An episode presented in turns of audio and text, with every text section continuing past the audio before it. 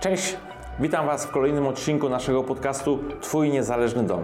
Zgodnie z ideą tego, e, tych nagrań rozmawiamy o tym, jak być samowystarczalnym, jak być niezależnym i staramy się te wątki poruszać e, z różnych perspektyw, czy spojrzeć na nie z różnych z perspektyw i rozmawiać na różne tematy. Bo mieliśmy gości, do, e, którzy opowiadali nam o samowystarczalnych domach, mieliśmy gości, którzy rozmawiali, z którymi rozmawiałem o rekuperacji, o fotowoltaice, o akumulatorach, ale także mamy gości, którzy bezpośrednio się technologią nie zajmują, zajmują się pewnymi koncepcjami i kwestiami hmm, e, polityczno-naukowymi, które bezpośrednio wpływają na nasz klimat i e, na, na tematy związane właśnie ze samowystarczalnością. I dzisiaj takim e, gościem jest Jakub Wiech.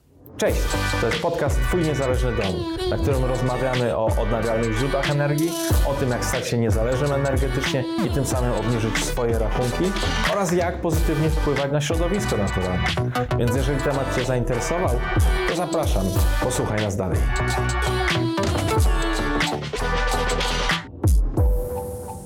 Jeżeli chcecie otrzymać y, dostęp do książki Energiewende, Nowe Niemieckie Imperium, do e-booka, bo niestety nakład się wyczerpał i na dzień dzisiejszy nie będzie do druku, to oglądajcie nas do końca, bo będziemy mieli dla Was konkurs. Młody, e, młody ale już dość, dosyć e, popularny autor, e, bo w tej chwili wyszła jego e, druga książka, pierwsza Energii, Energiewende, Nowe Niemieckie Imperium, a w tej chwili e, Globalne ocieplenie podręcznik dla Zielonej Prawicy. Pan Jakub jest prawnikiem, dziennikarzem i zastępcą redaktora naczelnego serwisu Energetyka 24. I to jest młody, bo rocznik to jest oficjalnie, bo to na Wikipedii można przeczytać 92, więc tym bardziej mnie zaciekawiło skąd E, skąd takie e, e, zainteresowania, w szczególności taką dosyć specyficzną i specjalistyczną, bym powiedział, tematyką. Panie Jakubie, czy Pan by chciał coś od siebie tutaj dodać? Witam Pana bardzo serdecznie przede wszystkim. Dzień dobry Panu, dzień dobry Państwu. W zasadzie tutaj po tym wstępie chyba wszystko najważniejsze zostało powiedziane, także czekam na, na pytania i czekam na to, jak, o czym będziemy rozmawiać podczas dzisiejszego spotkania. Takie moje pierwsze pytanie właśnie, skąd zainteresowanie tematyką e, Energy Wende, tak? Bo tutaj ja sobie trochę na ten temat poczytałem. Pana książka przyjęła się e, albo z taką, e, może nie, nie, chcę nazwać euforią, ale z dużym zainteresowaniem, ale też przeciwników panu też nie brakuje. Więc skąd ten temat tak na początek? Temat wziął się stąd, że w roku 2017 byłem na zorganizowanej przez jedną z niemieckich organizacji proklimatycznych wycieczce do e, Brandenburgii i do e, Berlina, e, gdzie podczas tych kilku dni spędzonych w Niemczech oprowadzano nas po takich lokalizacjach mających udowadniać, jak dobrą transformacją jest Energiewende. I Pomimo tego, że organizatorzy naprawdę starali się przekonać uczestników, że Energiewende to jest wspaniała droga transformacji energetycznej i na pewno przyniesie dużo korzyści i dla gospodarek Europy, jak i dla klimatu, to jednak za każdym razem, kiedy jechaliśmy w jakieś miejsce, żeby odwiedzić na przykład farmę fotowoltaiczną czy e, farmę wiatrową, no, do, dostrzegałem pewne braki tej transformacji, a konkretnie rzecz biorąc jej nieefektywność w porównaniu e, do tego, co myślę, że mogło zostać zrobione za podobne środki w podobnym czasie.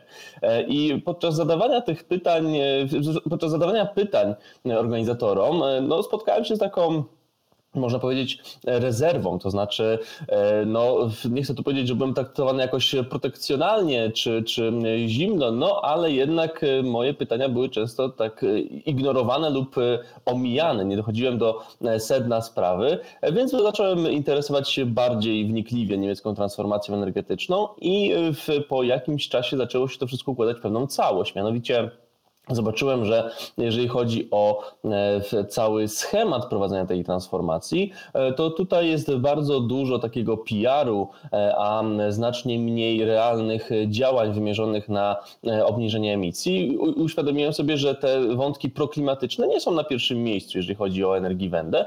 Ustępują one pola pewnym zabezpieczeniom interesu i poszerzaniom wpływów w Niemiec w Europie i to jest, patrząc z perspektywy państw, zupełnie normalne, no bo każde państwo projektuje swoją politykę na zasadzie każdym polu, żeby wzmocnić swoją pozycję i sytuację.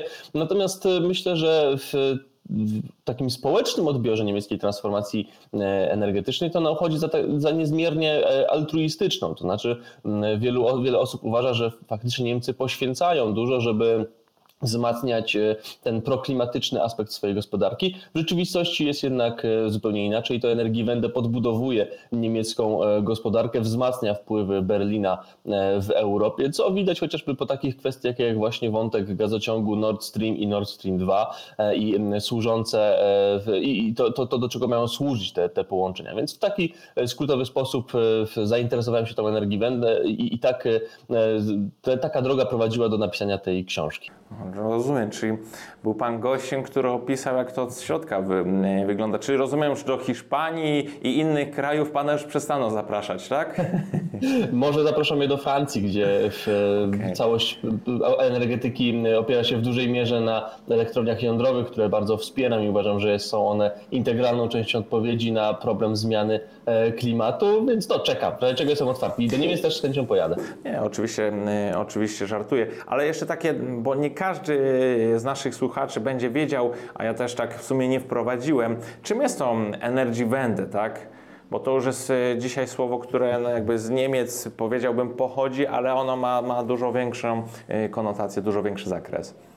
Energiewende, czyli niemiecka transformacja energetyczna, to jest proces, który jest prowadzony tak naprawdę już od 20 lat e, w Niemczech, ale którego korzenie sięgają lat 80., czy nawet wcześniej lat 70. I w dużym uproszczeniu ten proces, ta transformacja opiera się na e, trzech podstawowych celach. To jest po pierwsze wychodzenie z węgla jako priorytet, e, wychodzenie z e, energetyki e, jądrowej oraz budowanie parku jednostek wytwórczych w technologiach odnawialnych jako rdzenia systemu elektroenergetycznego.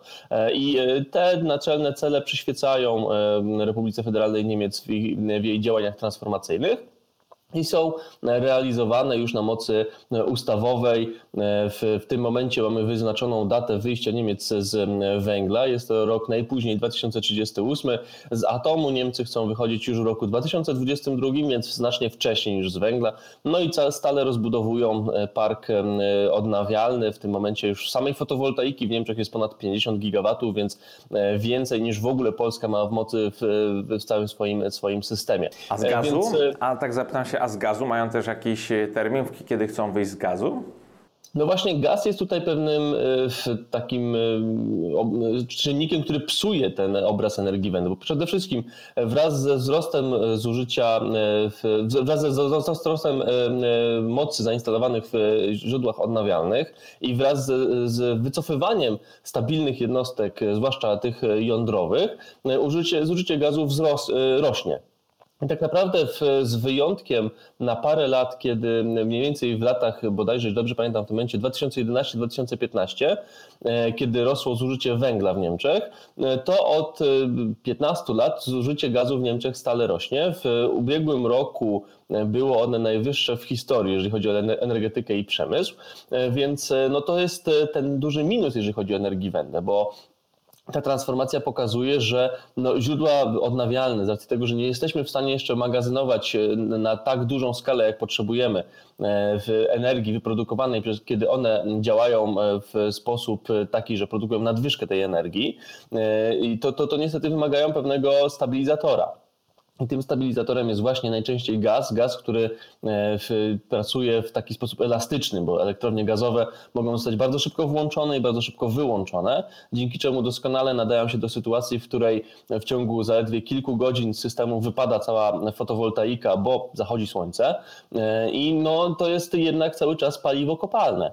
E, paliwo kopalne, czyli paliwo emisyjne, które przyczynia się do tego, że pogłębiamy proces zwany jako e, antropogeniczne e, ocieplenie klimatu.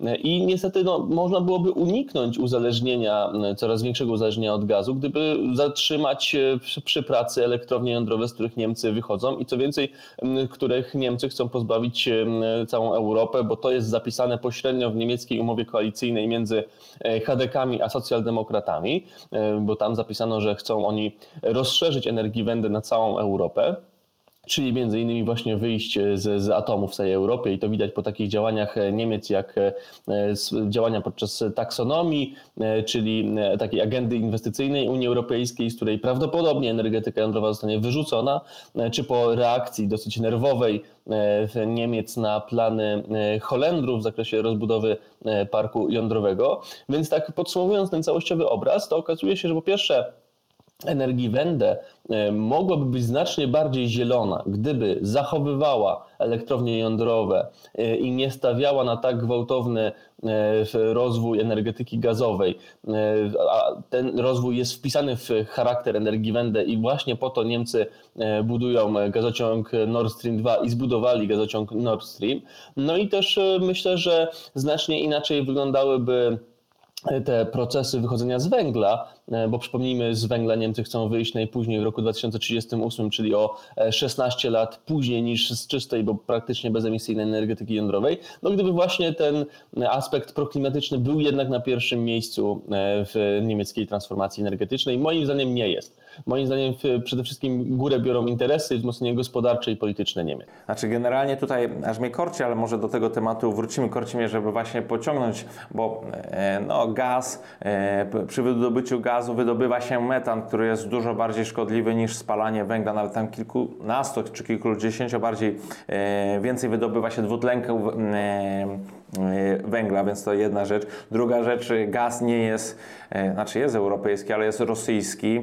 No, dużo tutaj jest takich konotacji polityczno-gospodarczych, militarnych, tak na dobrą sprawę i pewnie moglibyśmy na ten temat osobny wątek pociągnąć i nawiązać do tego, co też się dzieje w Unii Europejskiej w ostatnim czasie, czyli Green Deal. Może jeszcze na chwilę do tego wrócimy. Ale to ja mam takie inne pytanie, bo Pana druga książka to jest Globalne ocieplenie, y, podręcznik dla zielonej prawicy. Ona już jest dostępna do kupienia, tak od razu zapytam? Tak jest, już jest dostępna w sklepie Defense24. Okej, okay, no to zapraszamy do, y, do, do, do, do zakupów. Do świąt nie dojdzie, bo dzisiaj mamy 22.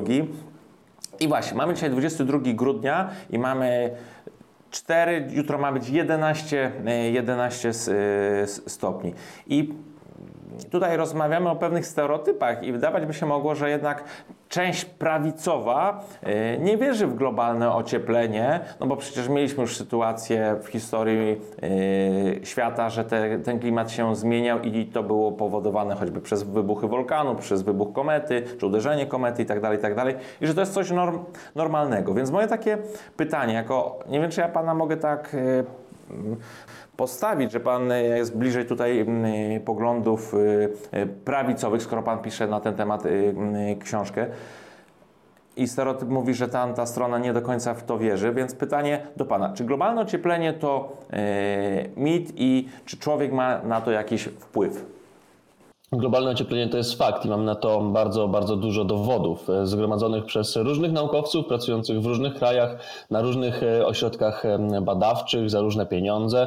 E, I ci wszyscy ludzie przez ostatnie lata badali to, co się dzieje z naszym klimatem, badali procesy, jakie zachodzą w ziemskiej atmosferze i doszli do wniosku, że po pierwsze, klimat się zmienia w kierunku ociepleniowym i ten wzrost sięga mniej więcej jednego stopnia Celsjusza e, w, e, w ciągu ostatnich 150 lat, e, a po drugie za ten trend ociepleniowy odpowiadają ludzie, odpowiada działalność człowieka polegająca na emitowaniu do ziemskiej atmosfery bardzo dużych ilości gazów cieplarnianych. I to, co Pan mówił o, o tym, że klimat się zmieniał wcześniej, tak, oczywiście, klimat Ziemi nigdy nie był stały, on się zmieniał, tylko po pierwsze, nigdy nie zmieniał się tak szybko bo w tym momencie mamy gwałtowny wzrost temperatury i gwałtowny wzrost stężenia e, gazów cieplarnianych, nienotowany nigdy w ziemskiej historii w tak e, ekstremalnym tempie, bez istotnego czynnika w postaci przykład właśnie uderzenia e, meteorytu czy ponadskalowej aktywności wulkanicznej.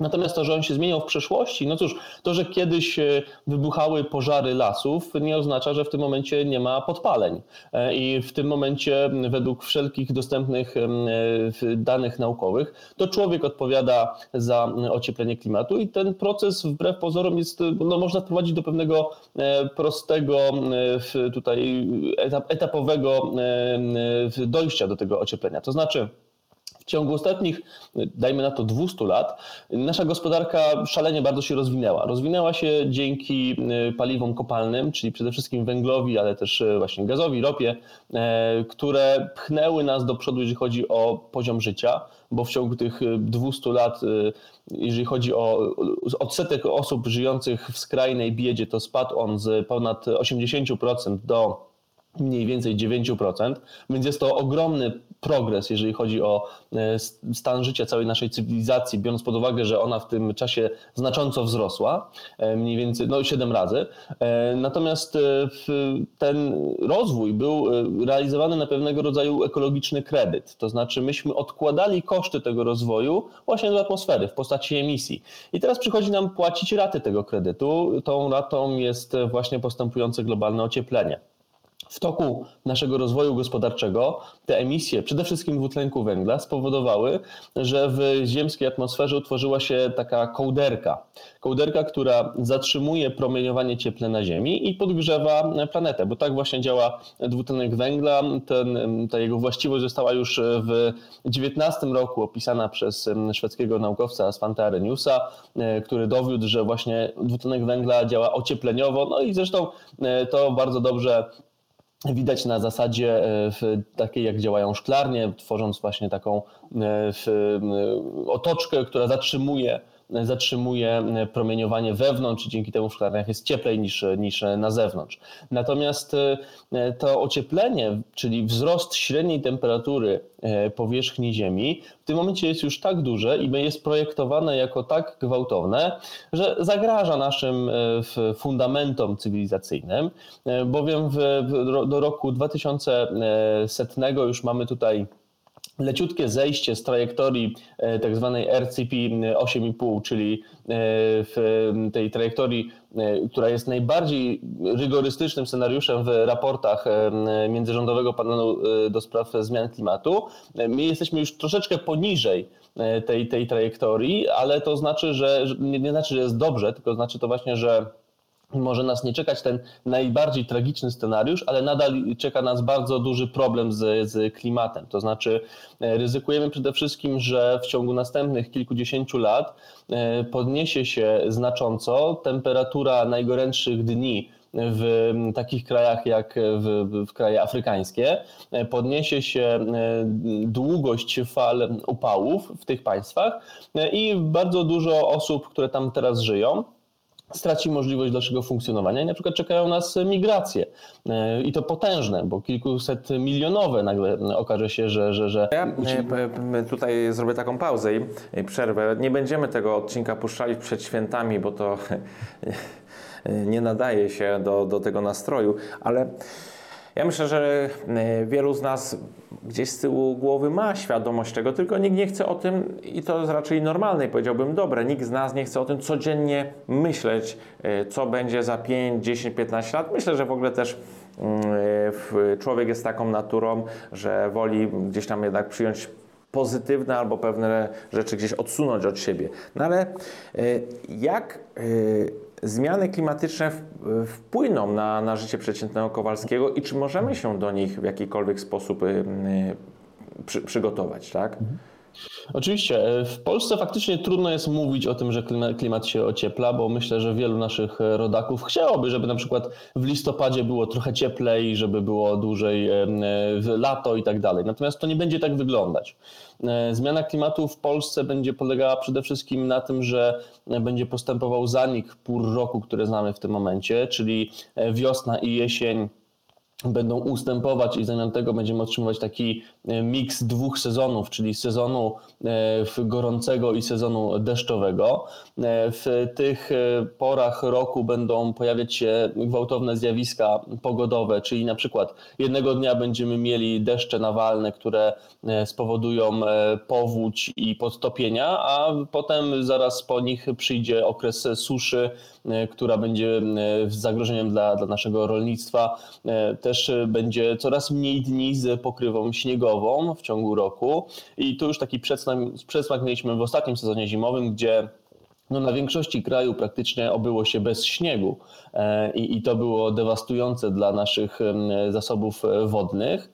E, więc no, generalnie z perspektywy Kowalskiego globalne ocieplenie będzie oznaczało przede wszystkim wzrost fal upałów, wzrost intensywności tych fal upałów, długości, częstotliwości występowania, e, także zanik e, tych sezonów zimowych, jakie znamy, e, skaczącą temperaturę, średnią temperaturę w ciągu, w ciągu roku, więc to będzie rodzić problemy, jeżeli chodzi o gospodarkę rolną, o dostęp do, do żywności. Będziemy też obserwować, jak w Polsce pojawiają się gatunki zwierząt i roślin, które jeszcze niedawno tutaj nie występowały, a te, które znamy, będą z Polski emigrować. Więc mamy tutaj całą mozaikę y, czynników, y, które będą się y, pojawiać i faktycznie można zrobić, można podjąć pewne działania, które nas do tego będą adaptować i takie działania są już podejmowane na całym świecie, bo wiele państw uznało, że trzeba jak najszybciej zacząć starać się przystosować do zmian klimatu.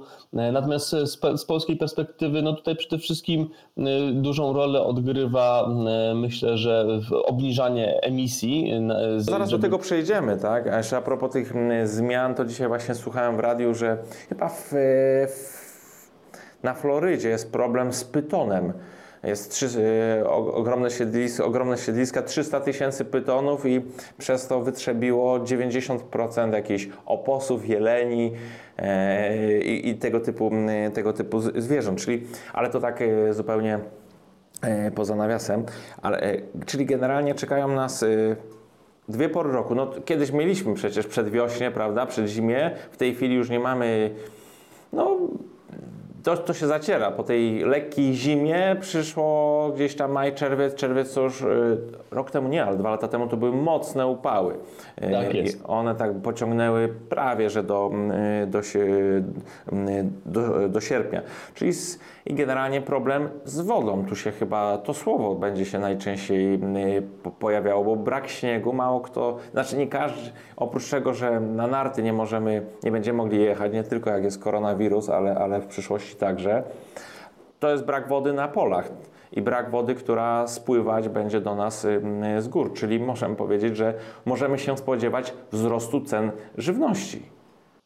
Tak, oczywiście, możemy się spodziewać, spodziewać zaburzenia gospodarki rolnej, bo ten śnieg działał po prostu jak taki magazyn wody. On ją e, zbierał, ona dzięki temu mogła skutecznie e, wsiąkać w ziemię, nawadniać ją, bo po prostu nie było to tak jak w przypadku deszczów, które, e, które tak jak deszcze nawalne, nie, nie oznaczały się tutaj dużą, dużym wskaźnikiem właśnie wsiąkalności. Śnieg jako taki magazyn po, podczas roztopów tak stopniowo rozpuszczał wodę, ona mogła wtedy E, zacząć wnikać w ziemię i ją po prostu e, nawadniać. Natomiast e, no, brak pokrywy śniegowej tutaj rodzi bardzo duży problem właśnie dla, dla rolników. No i w tym roku Zanotowaliśmy taki, taką jedną z, z, istotniejszych susz. Na początku tego roku wielu klimatologów, wielu meteorologów biło na alarm w związku właśnie z tym, z tym procesem. Natomiast oczywiście ten temat dziś zniknął z, ze względu na trwającą pandemię koronawirusa i, i problemy z nią związane, a także no, to właśnie takie prze, przewartościowanie debaty publicznej następujące nagle. Aczkolwiek to jest ten problem związany z następstwami globalnego ocieplenia będzie znacznie długo, bardziej długofalowy niż epidemia, która w tym momencie jest taką anomalią, która mam nadzieję zniknie wkrótce dzięki, dzięki szczepionce. A jak możemy, no, jak, jak możemy się przygotować na, jak przeciętna Kowalski, tak, może się przygotować na zmiany klimatyczne, tak? No takie indywidualne podejście no przede wszystkim powinno e, polegać na e, zbadaniu własnych możliwości w zakresie e, takich rzeczy jak chociażby retencja wody i zagospodarowywanie wody opadowej. I to się dzieje w Polsce wśród rolników. Mamy też już specjalne programy rządowe do tego przewidziane. Natomiast nasz kraj jako członek Unii Europejskiej jest też zobligowany de facto do redukcji swoich emisji gazów cieplarnianych i dążenia do celu neutralności klimatycznej, więc i pod tym względem można się e, do tego e, celu e, przyczynić indywidualnie, to znaczy w sposób, który będzie polegać chociażby na budowie własnych mocy w źródłach odnawialnych. Ale własnych, rozbudowie... czyli państwowych, czy własnych, czyli prywatnych? Własnych, czyli prywatnych. Do tego służy m.in. program Mój Prąd, który e, oferuje e, dopłaty do instalacji fotowoltaicznych. Ten program będzie rozbudowany i przedłużony e, w, w przyszłym roku. Ma objąć nie tylko fotowoltaikę, ale też magazyny energii. No jest to taka pierwsza pełnoskalowa inicjatywa, tak potężna w Polsce, budowy sieci energetyki rozproszonej, która jest potrzebna właśnie, żeby nasz system elektroenergetyczny lepiej sobie radził ze zmieniającym się klimatem nie tylko ze względu właśnie na tą redukcję emisji, która nas czeka, ale też z uwagi na fakt, że cały czas nad naszą energetyką wisi ponure widmo sierpnia 2015 roku, kiedy wskutek awarii w blokach e, węglowych, wskutek długiej fali upałów i wzrostu zapotrzebowania na moc. Nasza energetyka stanęła przed ryzykiem blackoutu i trzeba było wprowadzać 20 stopień zasilania. W tym momencie sytuacja jest znacznie lepsza, ale rozbudowa parku e, właśnie energetyki rozproszonej, energetyki obywatelskiej, prosumenckiej jak najbardziej w tym, e, w tym pomoże. Natomiast pamiętajmy, że tymi kategoriami też myślą w, w, kontekście właśnie programu Mój Prąd, że to jest element e, bezpieczeństwa energetycznego, to raz, a dwa e, walki ze zmianami klimatycznymi i dać no, umożliwienie, żeby być samowystarczalny e, częściowo, a nie tylko, jak często może się wydawać, że to jest, ten program był tylko pod pod unijne regulacje, tak, które określają, jaki mamy mieć udział w miksie odnawialnych źródeł energii.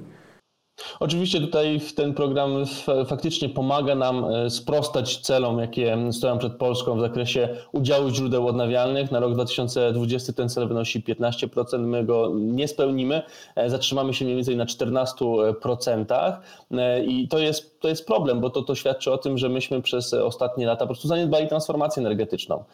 Natomiast faktycznie, no, nawet jeżeli to rządzący projektują mój prąd właśnie po to, żeby przede wszystkim sprostać wyzwaniom Unii Europejskiej, no to e, pobocznymi, że tak to ujmę, atrybutami tego, e, tego, tej inicjatywy są, jest, jest podniesienie możliwości w zakresie rozbudowy energetyki obywatelskiej, jest podniesienie bezpieczeństwa energetycznego, więc nawet jeżeli to wyszło tak niechcący, no to y, korzyść jest ewidentna i jest, jest bardzo pozytywna y, dla całości y, kraju, ale myślę, że też uwzględniono fakt, że ten, ten, ten rozwój takiej technologii będzie kontrybuował do zwiększenia naszego poziomu bezpieczeństwa energetycznego. Natomiast tak jeszcze dodam, że patrząc generalnie, no to niestety możliwości przeciętnego Kowalskiego w zakresie odpowiedzi na problem zmian klimatu są ograniczone. To bardziej bym sprowadził to do, do kwestii politycznej, to znaczy e, takich wyborów politycznych przy urnie wyborczej, które e, będą odpowiedzialne z punktu widzenia klimatu i tutaj e,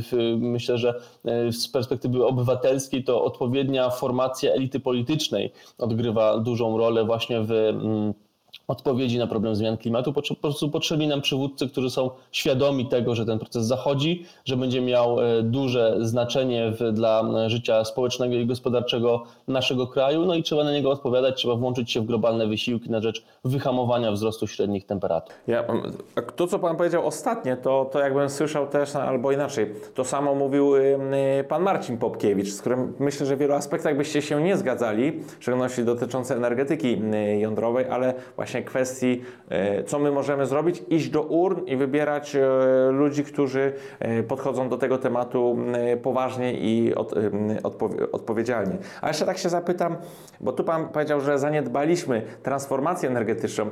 Ja się zastanawiam, czy my jej ciągle nie zaniedbujemy, czy, czy Czy jest jakiś konkretny w Polsce plan, który chce wykonać tą transformację energetyczną? Bo oprócz programu Mój Prąd, ale tak naprawdę no to jest większość, to są działania e, prywatne, bo to jest jednak dopłata niewielka, pokrywająca 10 do 20% no może 30 przy jakichś mniejszych instalacjach, resztę musi wyłożyć inwestor prywatny. Wiatraki to też mm, podobnie, no a co z wekami, z wielkoskalową energetyką, tak? bo przecież mamy mm, Bełchatów, y, no tutaj jesteśmy pod Koninem, no to teraz było wielkie wyburzenie komina, ale to też jest prywatna inicjatywa, a nie, mm, a nie państwowa. A czy państwowe inicjatywy się dzieją?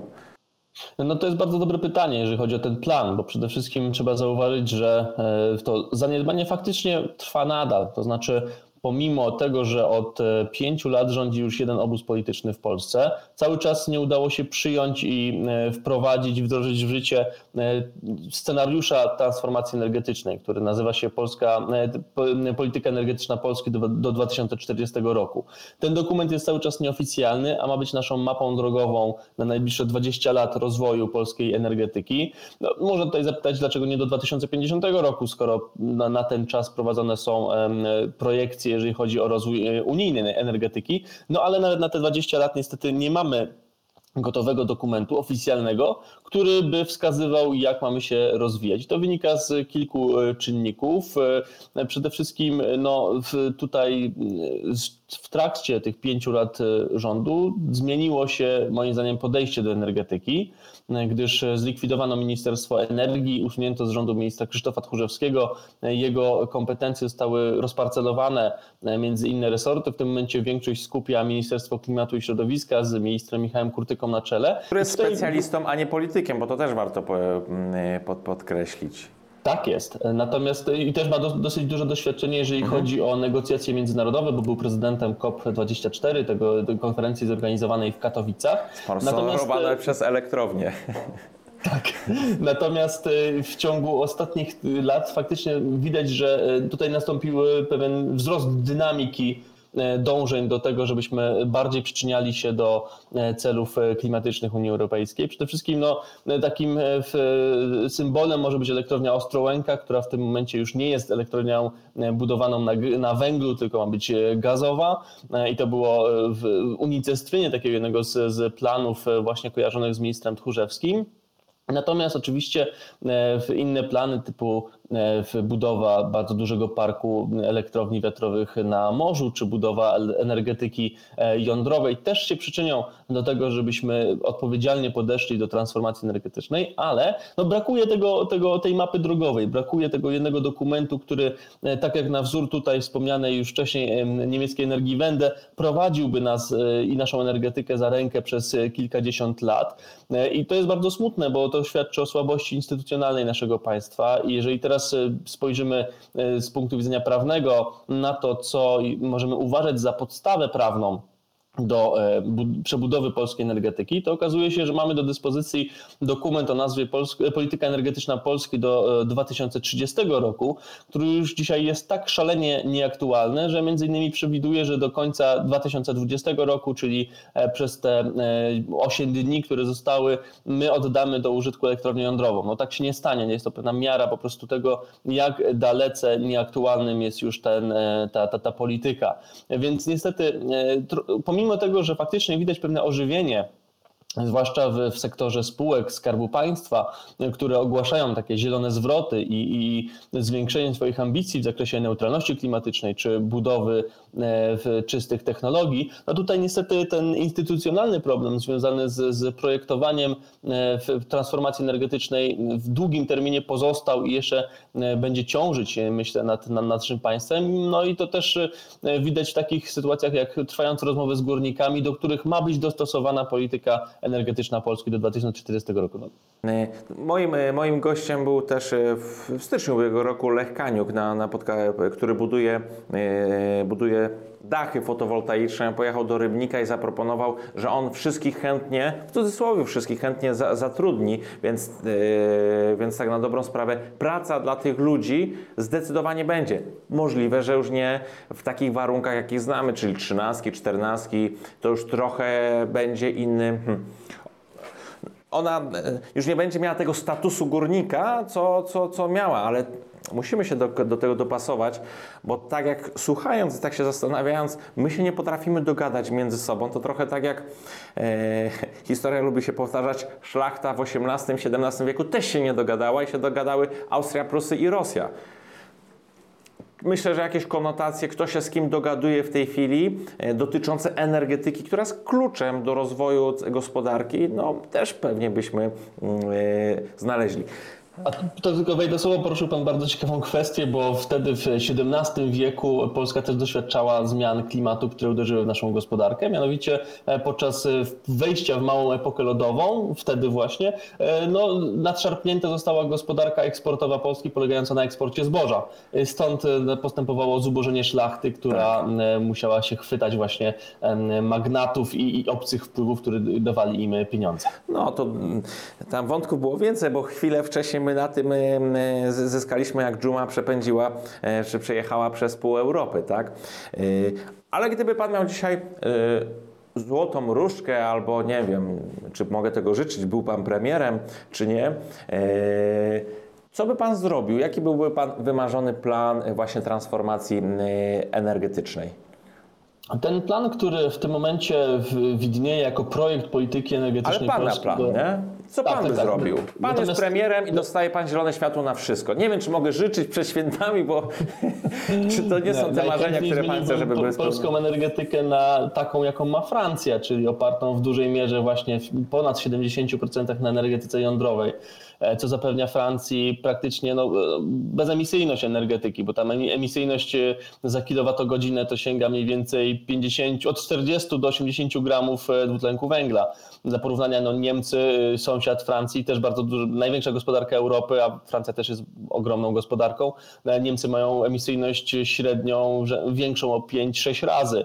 Polska ma emisyjność od Francji większą o mniej więcej 10-12 razy. E, więc e, to daje pewien posmak tego, jak duże korzyści zapewnia energetyka jądrowa. Nie jestem pewien, czy taki scenariusz jest możliwy w obecnych e, warunkach prawnych w, w, w Europie.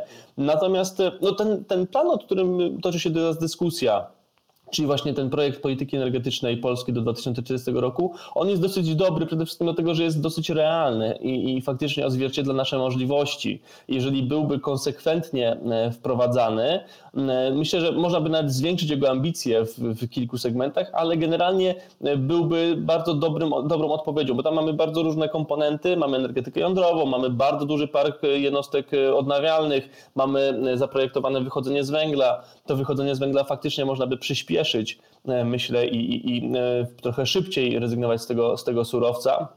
Natomiast jeżeli byśmy wdrażali konsekwentnie ten, ten, ten projekt, e, to byłoby to bardzo duży krok naprzód, jeżeli chodzi o rozwój myślenia i rozwój projektowania naszych polityk energetycznych. No niestety w tym momencie jesteśmy w takim zawieszeniu cały czas i obawiam się, że kolejne miesiące tego zawieszenia będą rzutowały na problemy z wdrażaniem chociażby energetyki jądrowej, która ma być uruchamiana już w 2033 roku w Polsce, więc za 13 lat to jest naprawdę bardzo już niewiele czasu, jeżeli mówimy o takich, e, takich projektach. I ten e, park budowy elektrowni wiatrowych e, offshore. No na razie też w dużej mierze przebiega na papierze, chociaż tam się zainteresowały nasze energetyczne giganty, czyli Orlen, PGE, też Polenergia. Natomiast no, bez pewnej konsolidacji politycznej, bez wyniesienia energetyki na forum ponadpartyjne, bez e, tego przekazywania sobie e, z transformacji energetycznej jak, sztaf,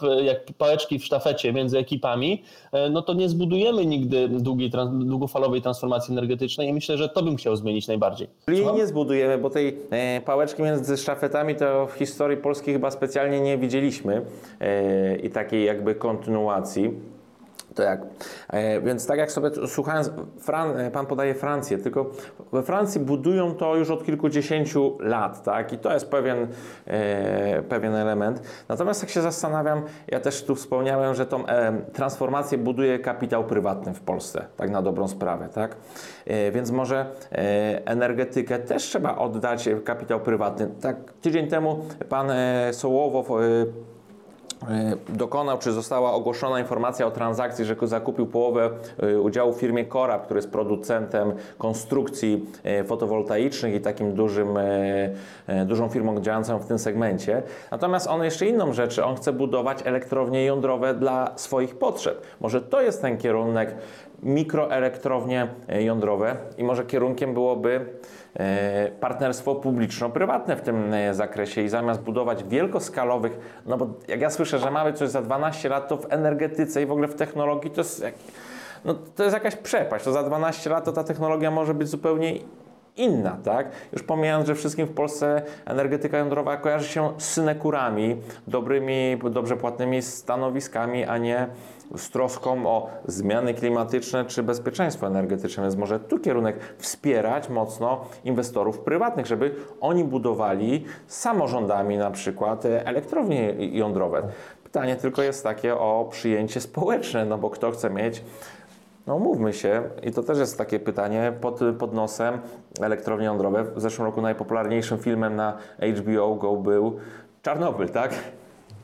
Jeżeli chodzi o y, społeczną akceptację dla energetyki jądrowej, to może Pana zaskoczy, ale najbardziej, y, naj, najchętniejsi do budowy energetyki jądrowej za, za, za miedzą, za, za płotem są mieszkańcy gmin lokalizacyjnych. E, mieszkańcy tych gmin, które wyznaczono do tego, żeby tam powstała energetyka jądrowa. I to wynika z e, sondaży prowadzonych regularnie przez spółkę PGE EJ1, która jest e, powołana właśnie po to, by taką elektrownię zbudować. I ona od lat bada nastroje społeczne w gminach lokalizacyjnych. I tam ze względu na to, że prowadzone są kampanie informacyjne, dużo ludzi po prostu chce elektrowni jądrowej, bo wiedzą, że to przede wszystkim są jednostki bezpieczne i że wraz z budową takiej elektrowni okolica dostaje bardzo duże korzyści, bo na przykład wymienia się jej infrastrukturę drogową czy komunikacyjną.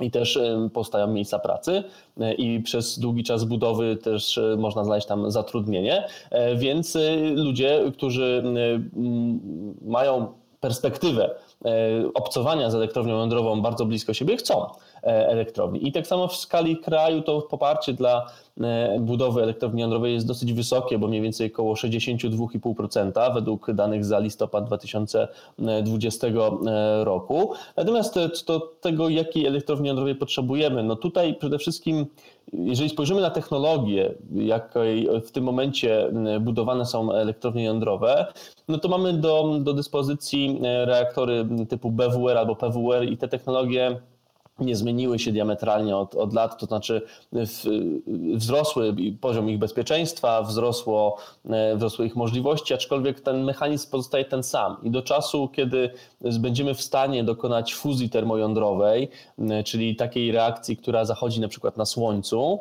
do czasu, kiedy powstanie taki reaktor, jak chociażby e, francuski właśnie ITER, który będzie w stanie podtrzymać reakcję fuzji e, w sposób taki, by ona dawała energii, a nie ją pobierała i będziemy utrzymywać ją stabilnie i kontrolowalnie, no to do tego momentu cały czas reakcje jądrowe polegające na rozszczepieniu e, jądra atomu e, będą tutaj górowały technologicznie i to one będą zapewniały nam energię. Ale myślę, że to oznacza, że jeszcze przez najbliższe kilkadziesiąt lat nic się tutaj diametralnie nie zmieni. Może się zmienić faktycznie skala i tutaj e, przejdźmy do, do tego tematu małych elektrowni jądrowych.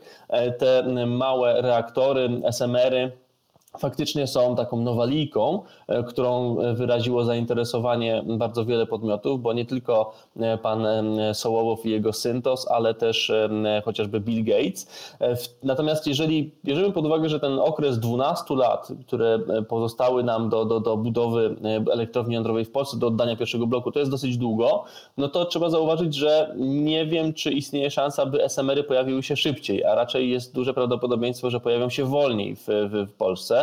W tym momencie działa na świecie tylko jedna mała e, elektrownia jądrowa, stabilna, to znaczy wybudowana na lądzie w Ameryce Południowej. Jeden taki SMR.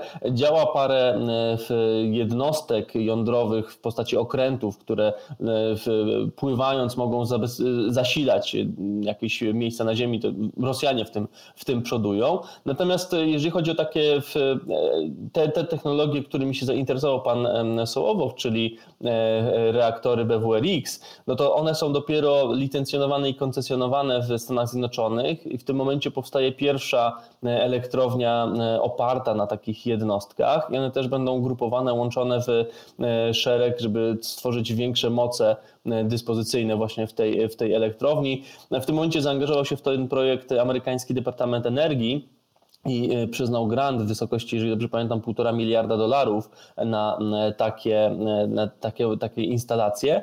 Natomiast e, no, jest jeszcze przed nami ten, ten, ta, ta, ta faza rozwoju i biorąc pod uwagę dostępne w tym momencie na stole rozwiązania, uważam, że ta dużoskalowa energetyka e, jądrowa w postaci właśnie dużych elektrowni o mocy kilku gigawatów jest tą odpowiedzią, na której powinniśmy się skupić. Potem, jeżeli dojdą do tego SMR-y, bardzo fajnie.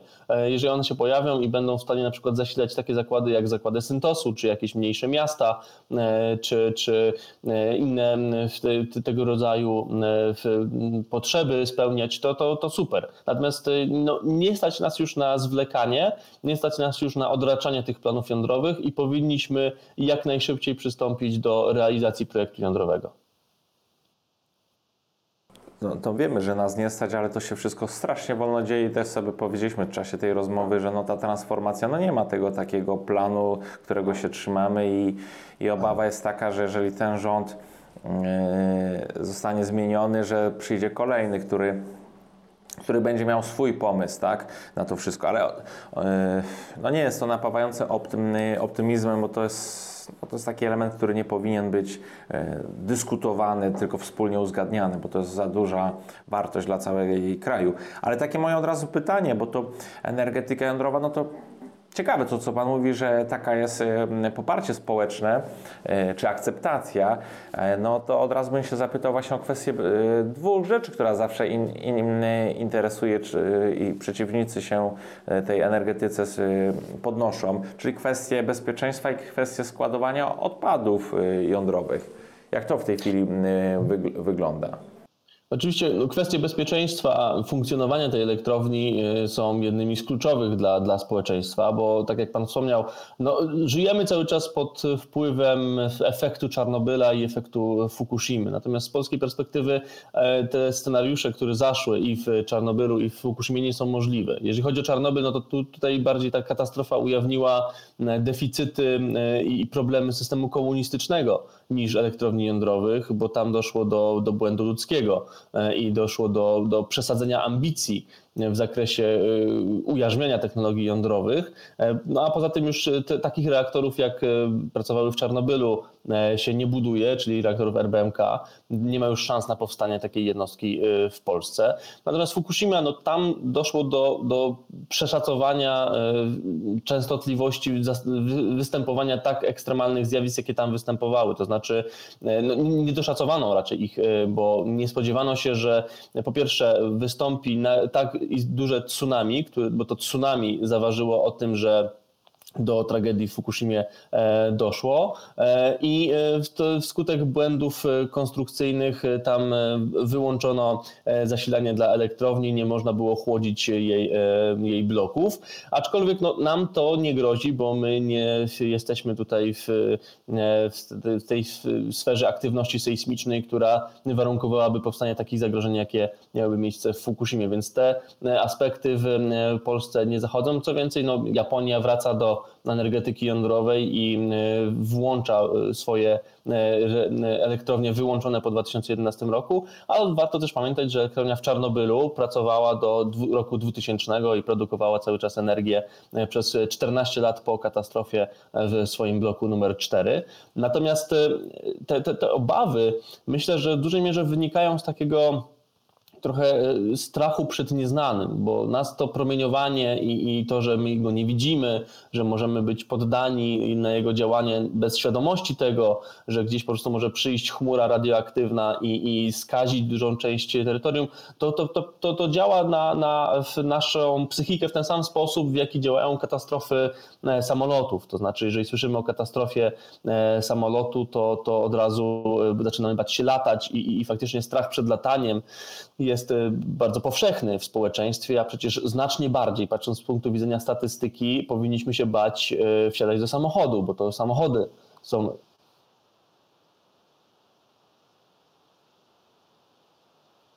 nadczynność, niedoczynność tarczycy, tak, którą jeszcze dużo kobiet z lat 80. do tej pory odczuwa. Ale tam jeszcze, bo tu zanim chciałem się o jedną kwestię zapytać, ja wiem, pytałem o dwie, ale chcę doprecyzować, czy tam jeszcze uzupełnić może tak.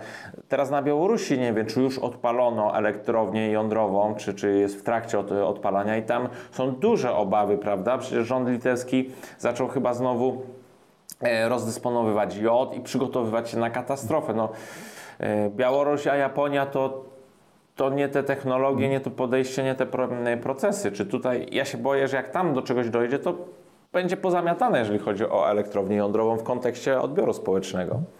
Y, jeżeli chodzi o elektrownię jądrową w Ostrowcu, to tam y, ta jednostka już działa w tym sensie, że y, wytworzyła samopodtrzymującą się reakcję. Jeszcze nie została podłączona do sieci, ale już pracuje w tym sensie, że zachodzi tam reakcja e, jądrowa. Natomiast oczywiście tam doszło już do dwóch awarii, ale one doszły, doszło do nich w fazie testów, to znaczy właśnie w tej fazie, która jest specjalnie wdrażana po to, żeby wychwycić takie mankamenty, bo one się zdarzają w każdej jednostce technicznej i każda e, maszyna, każde urządzenie jest podatna na awarie. Natomiast te awarie, które wystąpiły w e, białoruskiej elektrowni jądrowej, e, no, były awariami, tam między innymi doszło do e, bodajże spięcia w, w transformatorze.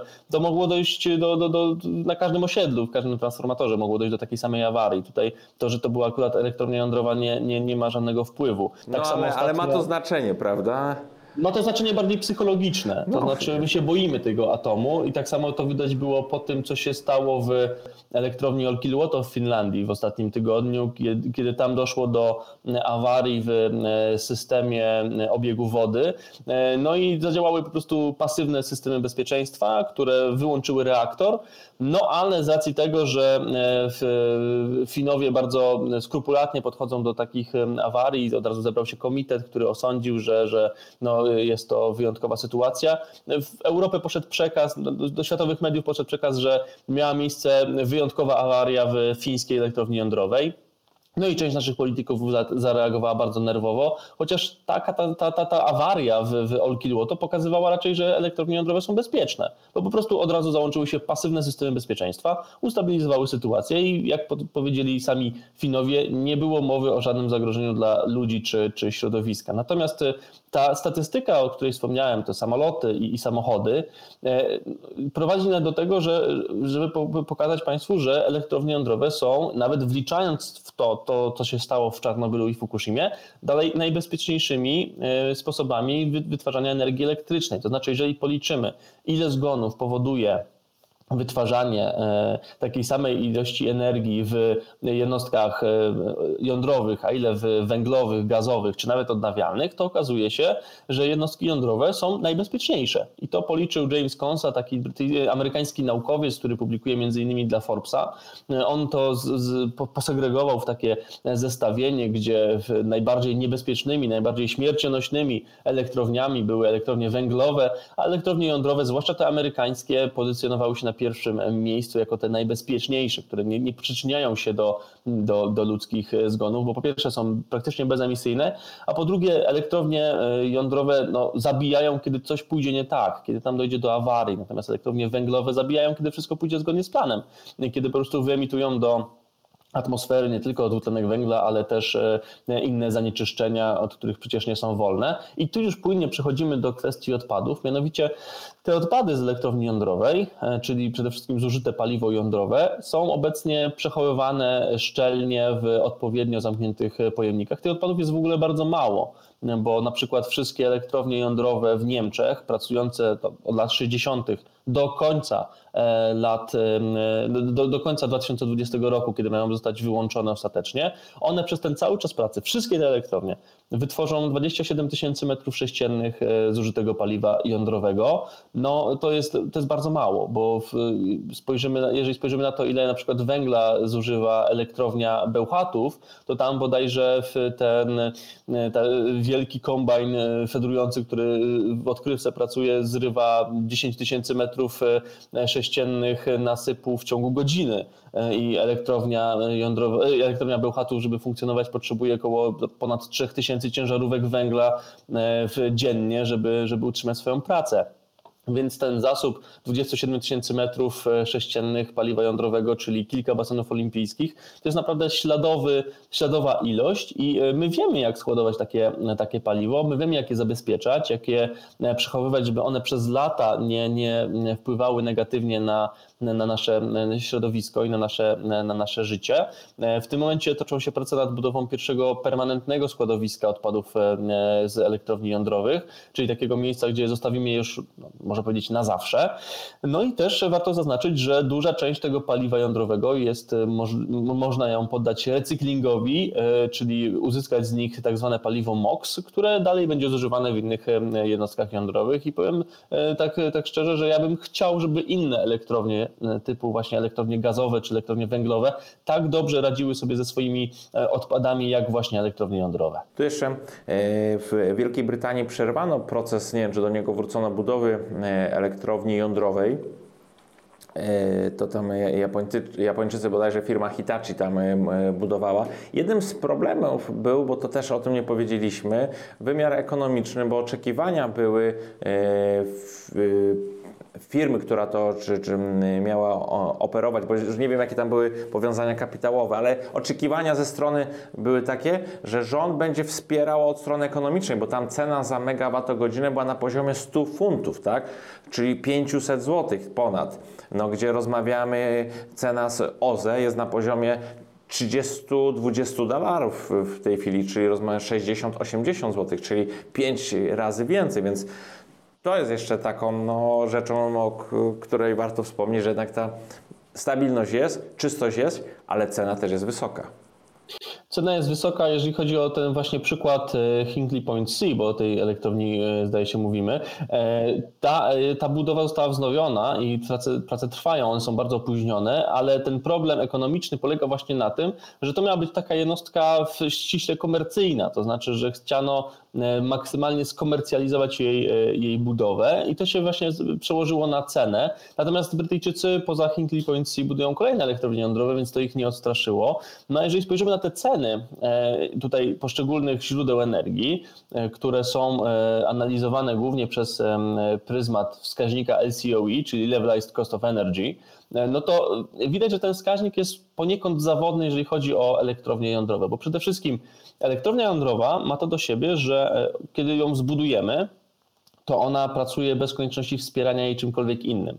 I tutaj bezpośrednie porównywanie z e, źródłami odnawialnymi, które wymagają e, wsparcia, bo mają znacznie niższy capacity factor od elektrowni jądrowej, no to prowadzi nas do sytuacji, w której myśmy powinni do ceny e, źródeł odnawialnych dorzucić cenę tej, tego źródła, które pracuje jako ich wsparcie. I to już zaburza. Czy capacity factor, tylko wyjaśnię, to jest współczynnik mówiący ile kilowatogodzin dana kilo, kilowat zainstalowany wy, wyprodukuje, tak? Czyli tutaj mamy, u, u, tak uśredniając w przypadku energetyki jądrowej jest to 1 do 1 mniej więcej, tyle ile zainstalowane i tyle, tak? Dobrze mówię, tyle wyprodukuje. Tak, bo to jest współczynnik wykorzystania, czyli po prostu tak. on wynosi 100%, jeżeli powiedzmy w ciągu, jeżeli moc o 1 megawata wyprodukuje w ciągu godziny 1 megawattogodzinę, to wtedy mamy capacity factor rzędu 100%, czyli ten oznacza to, że całość mocy została w danym okresie E, wykorzystana. No, a w przypadku energetyki słonecznej to jest tam 20-25%, tak, w zależności od... od w zależności od, od legalizacji oczywiście to, to, to, to się zmienia, tak. natomiast e, no, to jest e, dużo, jeżeli chodzi o właśnie ocenę możliwości wykorzystania tych, tych technologii. No i to się przekłada też na cenę. Ponadto ten, ten standard, o którym powiedziałem, LCOE, ten czynnik, on jest projektowany dla instalacji, na których długość życia wynosi mniej więcej 30 lat. Więc to jest poniekąd dopasowane do tego tak zwanego lifespanu technologii odnawialnych, które mniej więcej na 25-30 lat są budowane. Po tym okresie trzeba zazwyczaj te instalacje wymienić, to znaczy postawić nowy wiatrak albo postawić nowy panel fotowoltaiczny. Tymczasem elektrownie jądrowe buduje się na co najmniej 40 lat i e, co więcej w tym momencie w Stanach Zjednoczonych e, dwie elektrownie jądrowe uzyskały już przedłużenie pracy do lat 80, czyli mamy tutaj zdublowanie tego pierwotnego okresu projektowania pracy i też są inżynierowie, którzy twierdzą, że nie ma E, podstaw, by odmawiać e, przedłużenia tych prac do, do, do, do okresu 100 lat. Jak bloki z wielkiej płyty. Tak, dokładnie. Więc tutaj mamy tak naprawdę sytuację, w której e, ta elektrownia z racji długości swojej pracy wykracza poza te ramy LCOE. To też jest dla niej korzystne, a to nie zostaje odzwierciedlone poprawnie w tym, e, w tym czynniku. Więc trudno jest tak wbrew pozorom porównać e, uczciwie ceny energii z dwóch takich technologii, jak technologia jądrowa i technologia odnawialna. Dlatego no, wolałbym tutaj pochylić się nad tym, co, co mówią naukowcy, zwłaszcza ci z międzyrządowego panelu do spraw zmian klimatu, które w większości swoich e, scenariuszy rozwoju e, światowej energetyki wskazywał wzrost udziału e, źródeł jądrowych, oczywiście znacznie mniejszy niż wzrost udziału źródeł odnawialnych, ale to dlatego, że te technologie mają być komplementarne, że my musimy uznać je za całość jednej odpowiedzi na problem zmiany klimatu, a nie jako alternatywę, że albo atom, albo OZE. To jest mylne podejście i uważam, że tutaj jak najbardziej trzeba to zmienić i, i pchać w ludzkość w kierunku właśnie połączenia tych, tych dwóch technologii. Zgadzam się tutaj absolutnie. To jest trochę czasami wybór między mniejszego, mniejszego zła, tak? bo, bo te technologie nie są, nie są idealne. I jedna i drugie, tak? Jedna i druga, bo problem po tych 20-30 latach, y, co dalej, choćby z panelami, tak? Na dzień dzisiejszy y, ten recykling jest możliwy, ale jest po prostu bardzo, y, bardzo drogi, bo to jest jednak brud, ten krzem no nie jest najwyższy, najczystszy. To takie, bo już powoli będziemy kończyli. To, myślę, że ten podcast będziemy mogli nazwać, jeśli nie energia atomowa, to co? Czy ten odcinek? To jaki jest bo to rozmawia Pana mm, zdaniem kraj, na którym Polska powinna się e, wzorować w kwestii transformacji energetycznej. Taki kraj, który jest w zasięgu możliwości technologicznej, ale też kosztowej, prawda? No bo jeżeli ja słyszę, że przekształcenie na, na zieloną energetykę to są jakieś kosmiczne pieniądze, no to jeżeli jest cel nieosiągalny, no to od samego początku jest nierealny, prawda? Bo tam kwoty są pod biliony idące. Mhm. E, z tego, mm, co mówiliśmy wcześniej, z tego zapóźnienia naszego, jeżeli chodzi o transformację energetyczną, wynika jedna duża korzyść. To znaczy, my jesteśmy na tej uprzywilejowanej pozycji, że możemy spojrzeć na to, co zrobili inni i wybrać sobie najlepsze e, elementy z ich e, transformacji energetycznej i wdrożyć je do naszej. I tak uważam, że nie ma nic złego w tym, żebyśmy zaczerpnęli garściami z niemieckiej transformacji energetycznej, na przykład jeżeli chodzi o e, rozwój e, źródeł odnawialnych i to, jak tam było to projektowane, z ominięciem pewnych problemów, które, z którymi się borykają, borykają Niemcy, a tak samo możemy korzystać z niemieckich doświadczeń w zakresie zamykania kopalń węgla kamiennego, bo oni już wszystkie swoje kopalnie tego surowca zamknęli w 2018 roku, i, a my się do tego przymierzamy dopiero. E, I tak samo uważam, że nie ma nic złego, żebyśmy spojrzeli na to na przykład, co zrobili Szwedzi z energetyką jądrową, gdzie w latach 70. E, postępował e, wzrost, duży rozwój tej technologii i to pozwoliło obciąć emisję o połowę przy jednoczesnym wzroście gospodarczym i wzroście zużycia energii. Myślę, że możemy możemy też swobodnie patrzeć e, na przykład e, na to, e, jak Francuzi zarządzają swoją flotą jednostek jądrowych, możemy naprawdę czerpać z bardzo wielu przykładów e, i, i odrzucać po prostu to, co tam się nie, nie wyszło e, i e, wdrażać te elementy, które zadziałały w naszej, naszej energetyce. Ja bardzo bym chciał, żebyśmy mieli model polski, to znaczy, żebyśmy nie kopiowali jeden do jednego poszczególnych rozwiązań, bo to się po prostu nie uda, bo, bo, bo nie da się przenieść tak wiernie transformacji z jednego państwa na drugie, bo to mamy po prostu zupełnie inne warunki. I Inny uważam, klimat, Polsce... prawda? Taki klimat inny... mamy przecież przecież, jak to mówią klasycy. Oczywiście, inne społeczeństwo, inne warunki gospodarcze i tutaj na przykład w Polsce uważam, że e, komple przeniesienie kompleksowe energii Wende z Niemiec by nie zadziałało, e, bo, bo nie mamy tak zamożnego społeczeństwa, bo nie mamy dostępu do bezpiecznego, stabilnie, bo z perspektywy Niemiec gaz rosyjski jest bezpieczny, bo tutaj Niemcy nie mają takich problemów, jakie my mamy z, z, relacjami z naszym e, sąsiadem w kwestii dostaw gazu. Natomiast e, też e, myślę, że przenoszenie na przykład szwedzkiej transformacji energetycznej w całości się też nie, nie, nie, nie uda, bo na przykład nie mamy tak dużej, dużych mocy w hydroenergetyce, więc po prostu powinniśmy czerpać to, co najlepsze, przenosić to na grunt polski, kształtować w ten sposób naszą transformację energetyczną. Na tym moim zdaniem polega e, odpowiedzialne zarządzanie, zarządzanie państwem. Ja bym do tego jeszcze dołożył, bo Polska ma coś, co też mało który kraj ma, e, dosyć e, centralną energetykę cieplną. Sieci cieplne są praktycznie w każdym mieście, tak? Duńczycy w latach 80. przeszli z węgla na wiatr, bo tam też mieli 80% ciepła z, z węgla i uważam, że zaniedbany jest ten e, element, bo tutaj też można no, centralnie coś, e, coś mhm. pomyśleć. Ja chętnie bym z Panem jeszcze dalej rozmawiał, bo tutaj ten temat energetyki jest tak na dobrą sprawę no nie da się go zamknąć w jedną godzinę, w szczególności, że tyle wątków poruszyliśmy. Ja powiem tylko tak, podsumowując, no Polak, e, przeciętny Kowalski ma niewielki wpływ e, na, na, na zmiany klimatyczne. Tak? tak na dobrą sprawę najlepiej to może e, iść i głosować na osoby, na partie, które mają pomysł na to i jasno o tym mówią. A jeżeli chcę zbudować samowystarczalny dom, to ja tylko mogę zaprosić do, naszego, do naszej serii Dom Brewa, gdzie właśnie tam mówimy, podpowiadamy, jak taki samowystarczalny na trudne czasy dom będzie można zbudować, bo w sumie chyba nie ma dzisiaj jednego takiego wzoru. Uczymy się tej samowystarczalności i znowu nie będę otwierał tego, mm, tego tematu, ale bo to yy, pewnie do tego będzie trzeba jeszcze wrócić. Jesteśmy tuż przed świętami. Tak, yy, za moment, yy, pan, pewnie Pan już się też przygotowuje i tutaj mamy taki prezent, żeby te święta udały i sałatka smakowała, to ja bym coś no wysłał. Jedyny najlepszy kaliski majonez. Nie mogę tego przyjąć. Ja tylko kielecki. Ja tylko kielecki. No ale to nie wiem, czy te święta się tak udadzą z kieleckim majonezem, tak to trzeba sprawdzić. Ja w miarę tylko do dekoracji, tylko, tylko kielecki, tylko kielecki. No dobrze. Wierny na zawsze. Panie Jakubie, bardzo dziękuję za tą rozmowę.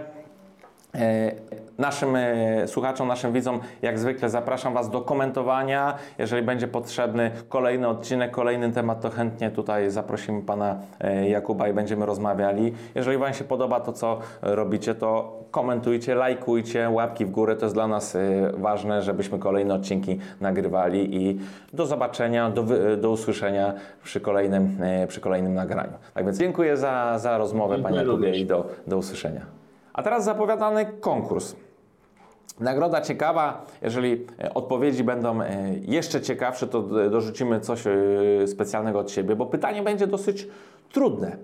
Jak ty wyobrażasz sobie, albo chciałbyś, żeby przebiegała transformacja energetyczna? Opisz w kilku zdaniach, albo w kilku słowach, albo jakkolwiek, tak? Jak, jak, jak uważasz i wrzuć w komentarzu pod, pod tym filmem. A najciekawsze komentarze nagrodzimy darmowym kuponem, darmowym kodem do książki Energii Będę Jakuba Wiecha. Zapraszam.